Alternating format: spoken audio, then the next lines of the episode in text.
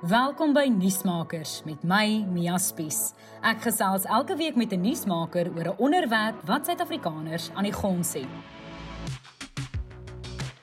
Beerdkrag is al 15 jaar lank deel van ons lewens, 'n baie onwelkome deel, maar dit lyk of haar lig aan die einde van die tonnel is nadat die president vroeër die week 'n plan aangekondig het om 'n einde aan die kragkrisis te bring. Kan ons maar versigtig optimisties wees en hoe lank gaan dit vat vir Eskom om die ligte aan te hou? 'n Kragkenner verbonde aan die Noordwes Universiteit Corneels Skabord sluit nou by my aan om lig op hierdie donker kwessie te werp. Corneels president Cyril Ramaphosa het natuurlik Maandag sy plan om 'n einde aan beerdkrag te bring bekend gemaak. Is dit vir jou bemoedigend of wil jy maar eers die kat uit die boom uit kyk?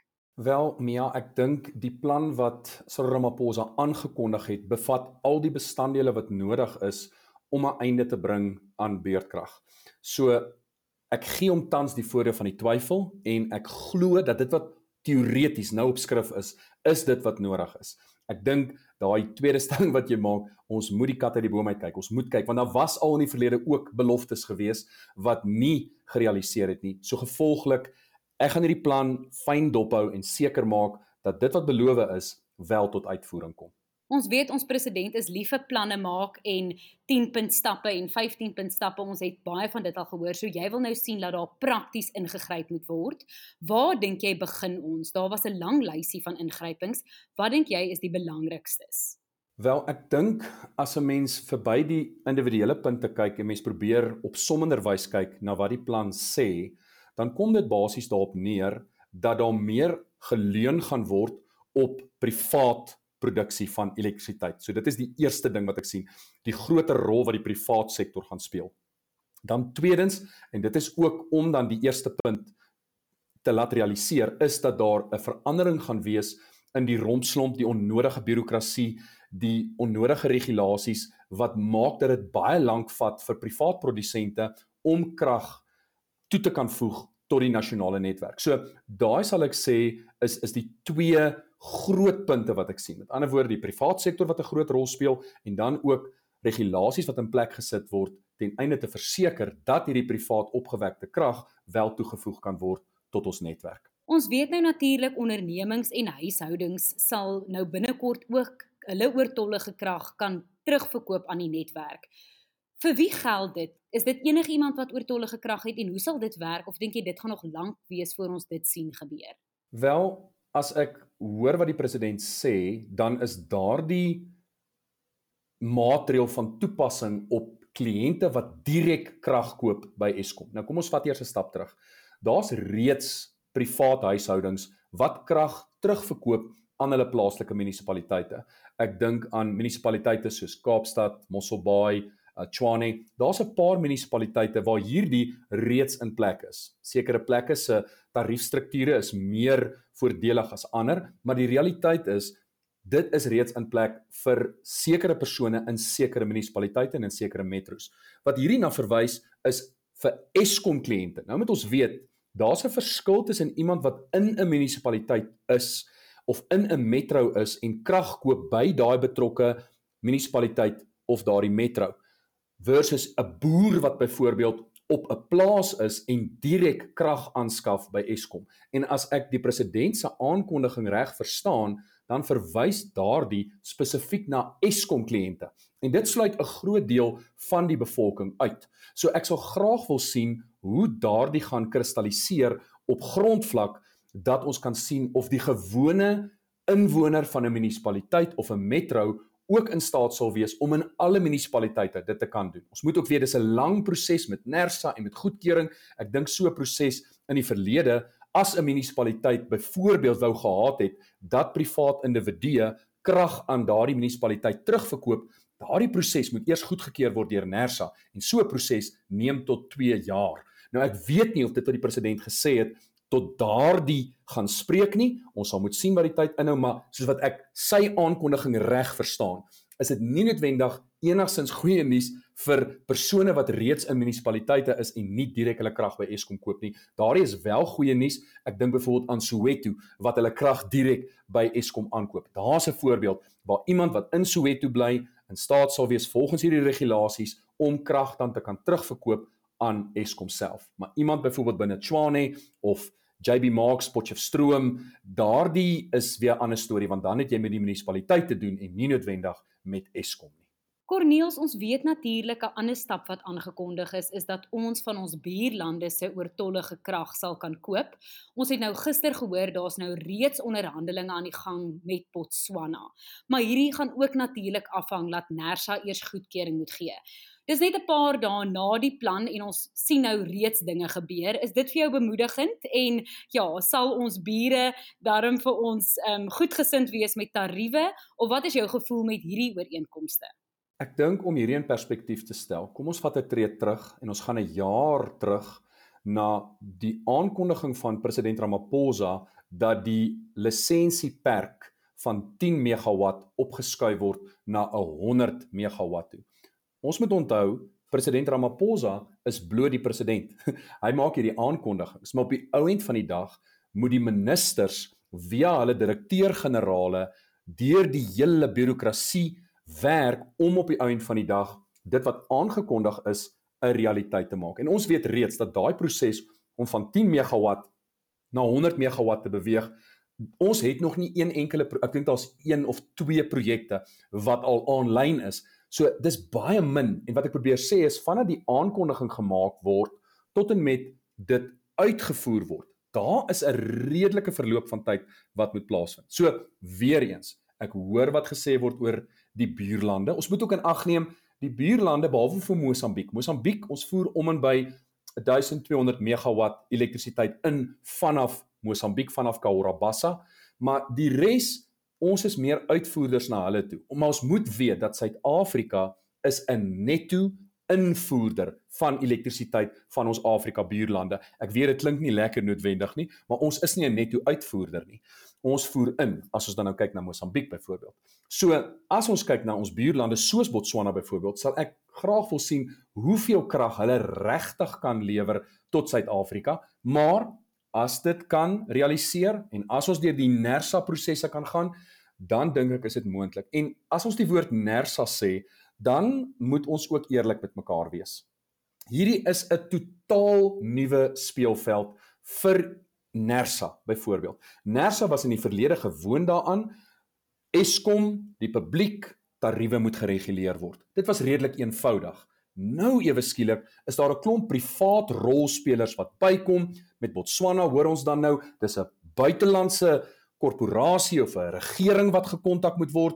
Dit raak al hoe meer kompleks en my gevoel is ek wonder of Nersa genoegsaam toegerus is met genoeg hulpbronne genoeg personeel, genoeg kundigheid om op die ouend van die dag al hierdie mooi drome te laat realiseer. Want op die ouend van die dag, beloftes is pragtig, maar iemand gaan dit op die ouend van die dag moet omsit in wetgewing, in regulasies, in praktiese tasbare oplossings. En dis waar Nersa en byvoorbeeld die ministerie van minerale en energie sake, die ministerie van staatsentiteite daardie afdelings 'n rol gaan speel. So ek ek hou dit fyn dop. Ek weet nie hoe lank gaan dit vat voordat ons ons eerste kilowattuur van Botswana noodwendig gaan invoer nie, maar enige kilowattuur wat ons uit die buiteland uit kan kry, ons is dankbaar daarvoor op hierdie stadium.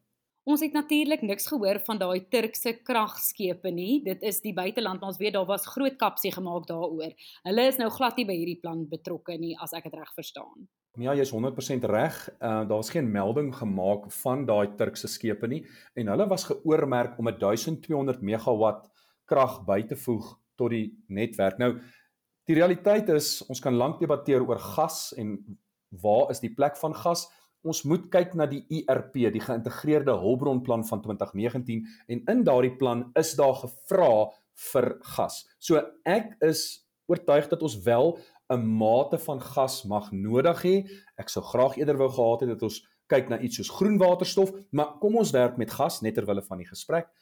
Die probleem wat ek gehad het met Car Powership van die begin af was die feit dat die kontrak 'n 20 jaar kontrak sou wees met hierdie buitelandse konsortium en ons sou gebind gewees het om vir 20 jaar lank krag teen 'n baie hoë tarief by hulle aan te skaf. So die oplossing is 'n wonderlike oplossing.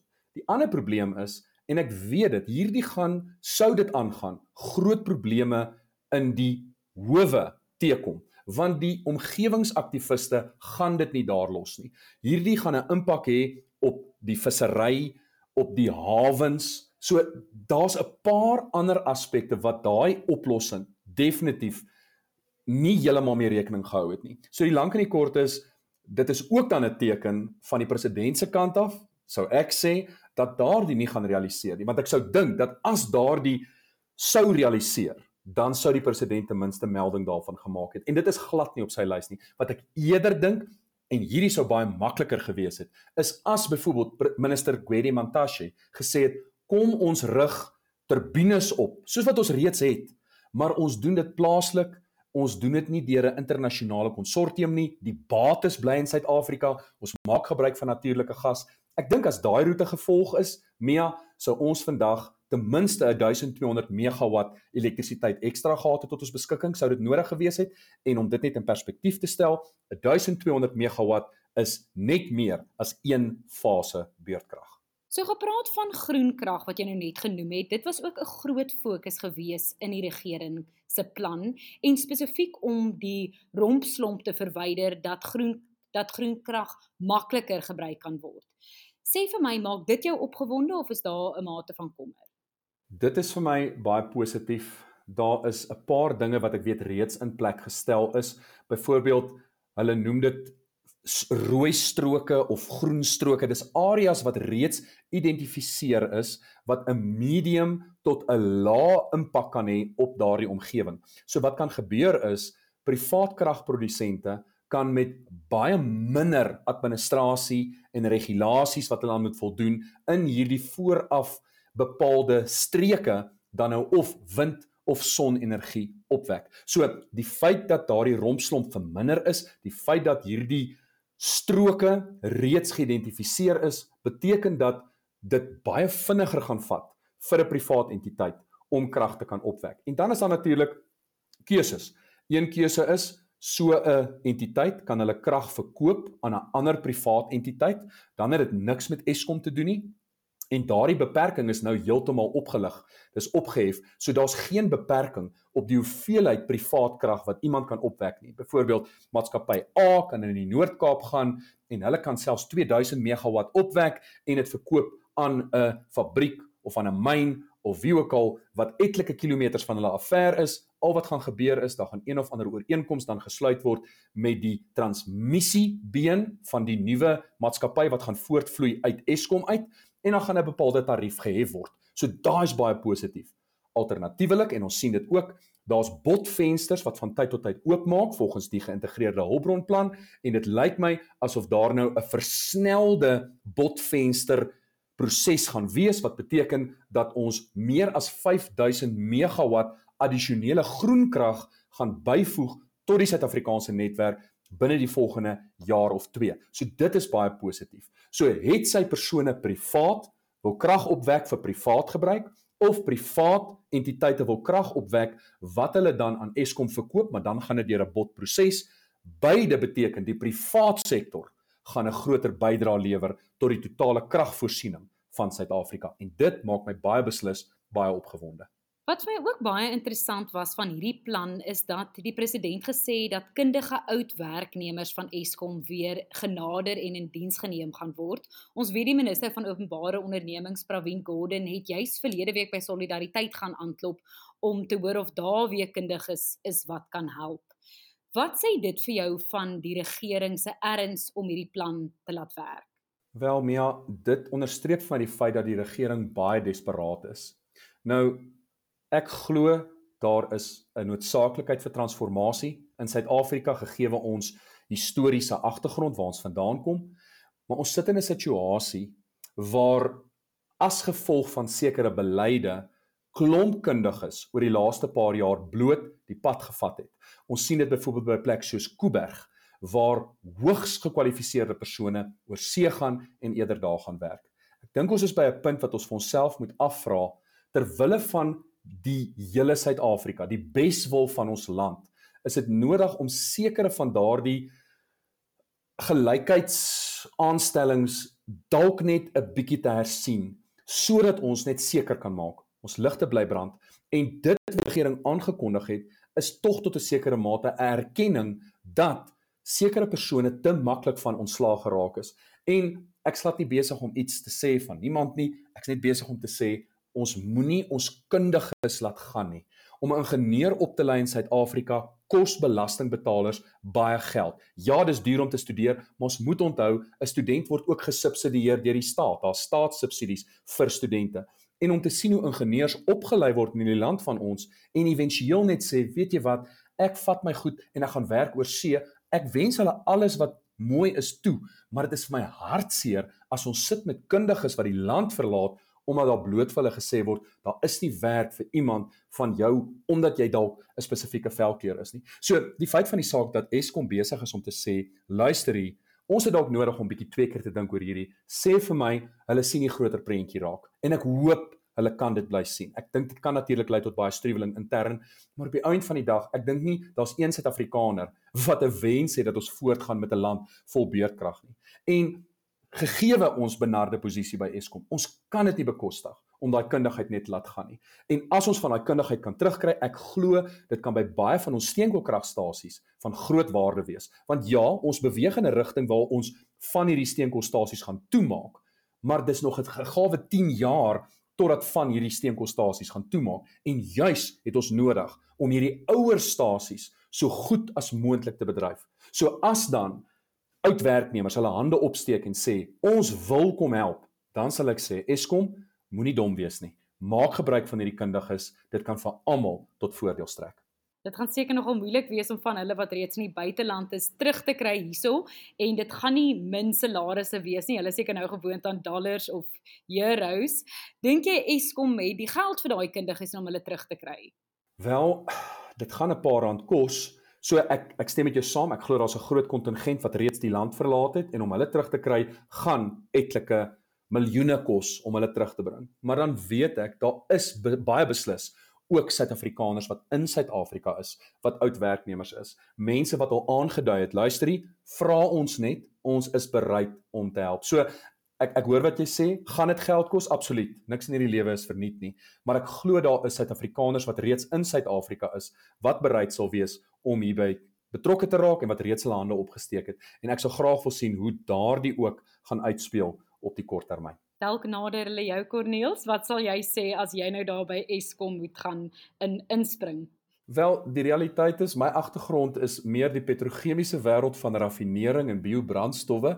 So dit sal 'n groot kompliment wees. Ek sal dalk van tyd tot tyd inhardloop en sê, luister, ek dink hier's 'n paar voorstelle wat ek vir julle het, maar in terme van die aktiewe bedryf van 'n steenkoolstasie, ek het kollegas wat baie meer kundig as ek is en wat baie beter daardie stelsels verstaan. So ja, ek is wel 'n chemiese ingenieur, maar uh, dit gaan maar oor elkeen moet bly by sy passie. En my werk is om chemiese ingenieurs op te lei sodat hulle éventueel kan gaan werk ook by 'n instelling soos Eskom. So ek sal doen wat ek doen en dan moet Eskom doen wat hulle doen en so sal ons die waar deur die drif trek. So Noordwes Universiteit het jou darm nog vir 'n rukkie. Corneels, ek wil gou by jou hoor. Eskom het natuurlik gesê hulle gee hulle volle ondersteuning vir hierdie plan. As ons dink aan Eskom se bestuur vir al Andre de Ruyter, dink jy hulle het dit in hulle om hierdie plan ook uit te voer? Wel, ons moet wel bewus wees van die feit dat 'n groot deel van hierdie plan het nie direk iets met Eskom te doen nie. Sekere van hierdie aspekte is beleidsaankondigings en dit lê eerder by die ministerie van minerale en energie sake. Maar in terme van die aspekte wat genoem word wat direk impakteer op Eskom, soos die verkryging van oud werknemers, soos die aanpassing van die begrotings en die klas van dinge, ek glo dat mense soos Andre de Ruyter en Jan Oberholzer absoluut bekwam is om dit te kan uitvoer en om seker te maak dat daardie planne realiseer. Maar ek dink ons moet mooi onderskeid tref tussen dit wat Eskom se verantwoordelikheid is en dit wat die ministerie van minerale en energie sake se plig is. Want byvoorbeeld die privaat opwekking van krag, dit lê buite Eskom se verantwoordelikheid en ons moet net kyk na die groter prentjie wie is verantwoordelik vir wat. Maar Eskom vir dit waarvoor hulle verantwoordelik is, ek glo dit sal kan realiseer en as ons ook kyk na wat Andre de Ruyter gesê het, Andre de Ruyter vra al vir lank dat daar 4 tot 6000 megawatt ekstra krag toegevoeg word tot die netwerk en ek dink hierdie is baie beslis 'n antwoord op sy versoek wat hy ook al 'n geruime tyd in die media bekend gemaak het. Dan net laastens Corneels, hierdie is natuurlik 'n krisis wat al jare lank kom. Ons weet ons sit al soos ek vroeër genoem het 15 jaar lank met beerdkrag. Dit al is die stappe daar en die regte um, stappe is aangekondig, gaan hierdie nie oornag gebeur nie. Dit gaan nie môre of volgende week of selfs volgende maand ewe skielik um opgelos word nie. Hoe lank as jy nou in 'n kristalbal moet kyk, oor hoe lank dink jy gaan ons uit die ergste van hierdie kragkrisis wees? Ons weet president Ramaphosa het maandag erken ons sit in 'n nasionale krisis. Hoe lank nog as ons hierdie stappe volg? As ons kyk na groen krag, want dit is basies die die grootste uh, bydraende bron volgens hierdie plan, dan moet ons werk op 'n tydlyn van 'n minimum van 18 maande vir konstruksie. So as ons 18 maande vir konstruksie vat en ons voeg daarbey 'n paar maande die regulasies wat gevolg moet word en goedkeuring wat verkry moet word, ek kan nie dink dat ons die wa gaan omdraai voor 2 jaar van nou nie. So kom ons praat weer einde Julie 2024. Ek glo dit is as alles mooi perfek goed gaan sal dit ons vroegste tyd wees. Maar ons moet in ag neem dat in die tussentyd, daar gaan nie niks gebeur in die volgende 2 jaar nie. Ek glo dat in die volgende 2 jaar daar definitief addisionele bronne van krag bygevoeg gaan word tot die stelsel privaat produsente. So dit mag die netwerk verlig in terme van druk, maar nou moet ons ook daarby sê in dieselfde tyd word die steenkoolstasies ouer by die dag en dit beteken daai twee woorde wat Eskom baie gereeld in die media noem, onbetroubaar en onvoorspelbaar.